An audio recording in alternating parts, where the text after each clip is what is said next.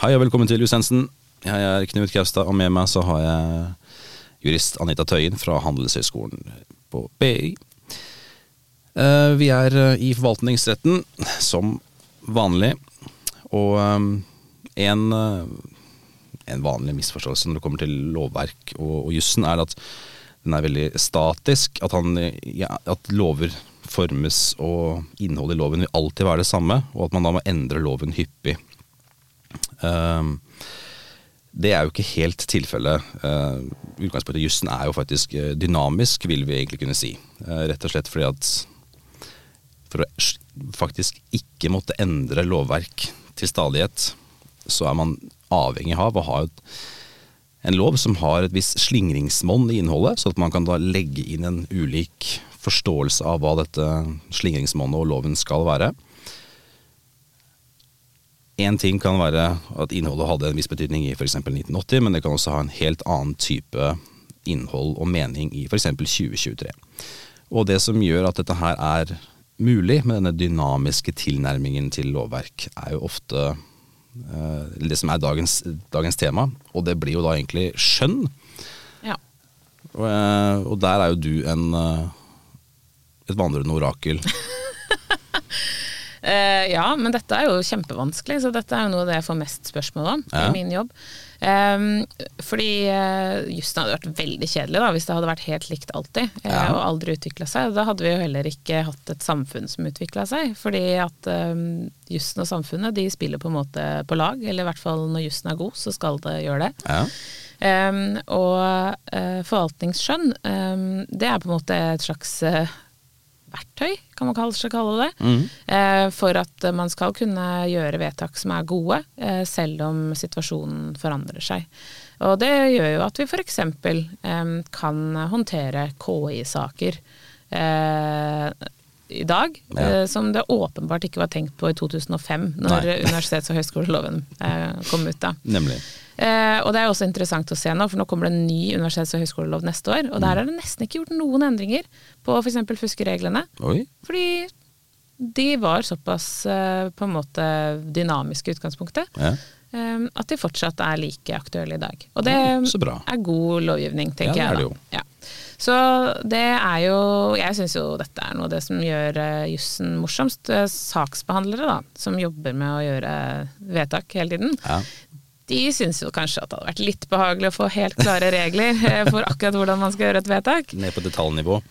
Ja, helst det. Um, og som jurister så må vi ofte da på en måte uh, si nei, eller sette ned foten, for hvis ikke så må jo vi drive og oppdatere våre forskrifter uh, ukentlig. um, så noe skjønn må det være i bildet, og det er uh, vanskelig og krever erfaring eh, og kompetanse. Ja. Som eh, saksbehandlere selvfølgelig vil få i jobben sin etter hvert, men som, eh, som kan være litt sånn skummelt, da. Og som jeg tror er grunnen til at vi jurister ofte, veldig ofte får spørsmål om akkurat dette med skjønn, da.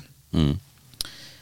For saksbehandlere må jo da hele tiden sant, gjøre en vurdering av den konkrete saken opp mot både reglene, altså rettsreglene, Ja. eh, men også andre relevante forhold.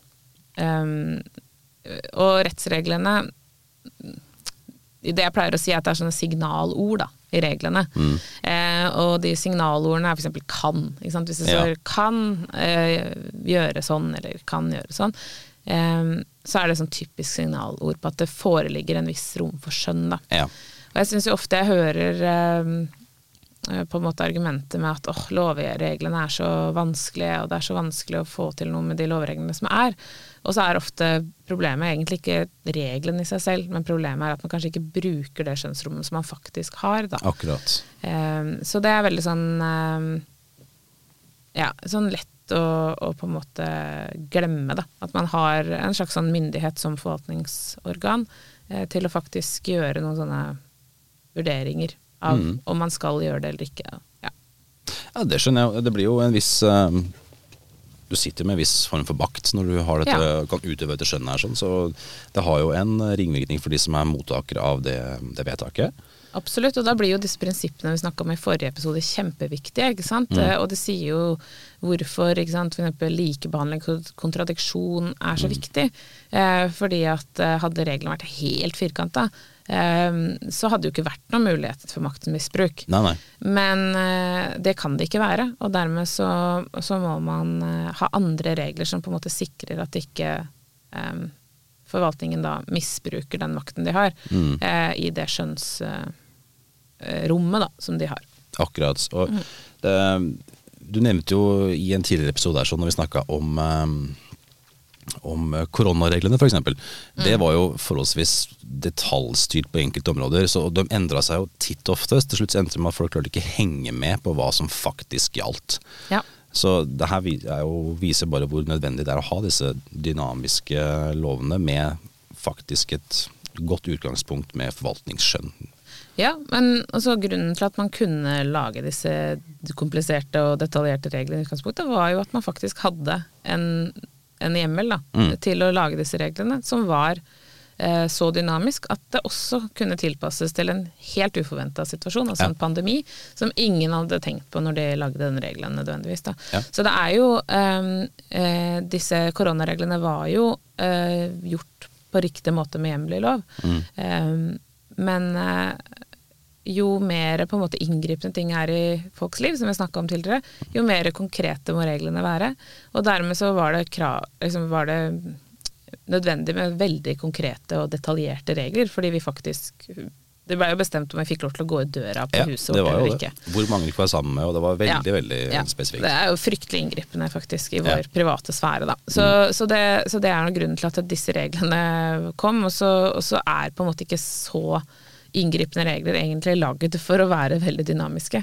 Og i en så dynamisk situasjon som en koronapandemi, da, mm. så passa det på en måte ikke helt. Eh, og det tror jeg veldig mange følte på at eh, du var det ti man kunne ha i dag, eller var det 15, Ja. og i går var det 12. Og, Nemlig. ja, så det, ja. Men eh, innenfor uh, universitets- og høyskolesektoren, da, som jeg jobber i, så er det heldigvis eh, sjeldnere at det er sånne omstillinger som vi må kaste oss rundt over natta. Ja. Eh, bortsett fra når det kommer helt ny teknologi, f.eks., sånn som kunstig intelligens, som, som jo har gjort at vi eh, har måttet tenke veldig nytt på veldig mange områder da, Ja. eh, det siste året. Mm. Det er jo sant. Eh, Men hvis vi holder oss innenfor eh, Ja. eh, høyskolesektoren, og har du noen eh, Du har jo faktisk vært litt inne på det i en tidligere episode også, når du snakka litt om eh, likebehandling, var det vel? ja. Eh, og dette her med å vurdere vilkår, og hver sak skal vurderes opp imot eh, den spesifikke casen, den spesifikke studenten, eller hva det måtte være. ja. Har du noen sånne praktiske eksempler fra høyskolesektoren hvor du kan forvaltningsskjønn for liksom råde fritt? Det får ikke råde fritt, da det er bundet av disse fem prinsippene vi var inne på i forrige episode. Men ja, ja et godt eksempel er jo tilrettelegging. Eh, og hvis dere ikke er klar over det, eh, så er det viktig at dere er klar over det, men dere har jo rett på tilrettelegging, da. Eh, eller kan ha rett på det, i hvert fall. Ja. Og det gjelder både av undervisningen og det gjelder av eksamen. Um, og der er det flere Altså disse reglene som er gitt rundt dette med tilrettelegging, de er veldig skjønnsmessige. Ja. Og grunnen til det er at hver enkelt students tilretteleggingssak er veldig um, personlig eller ulik, da.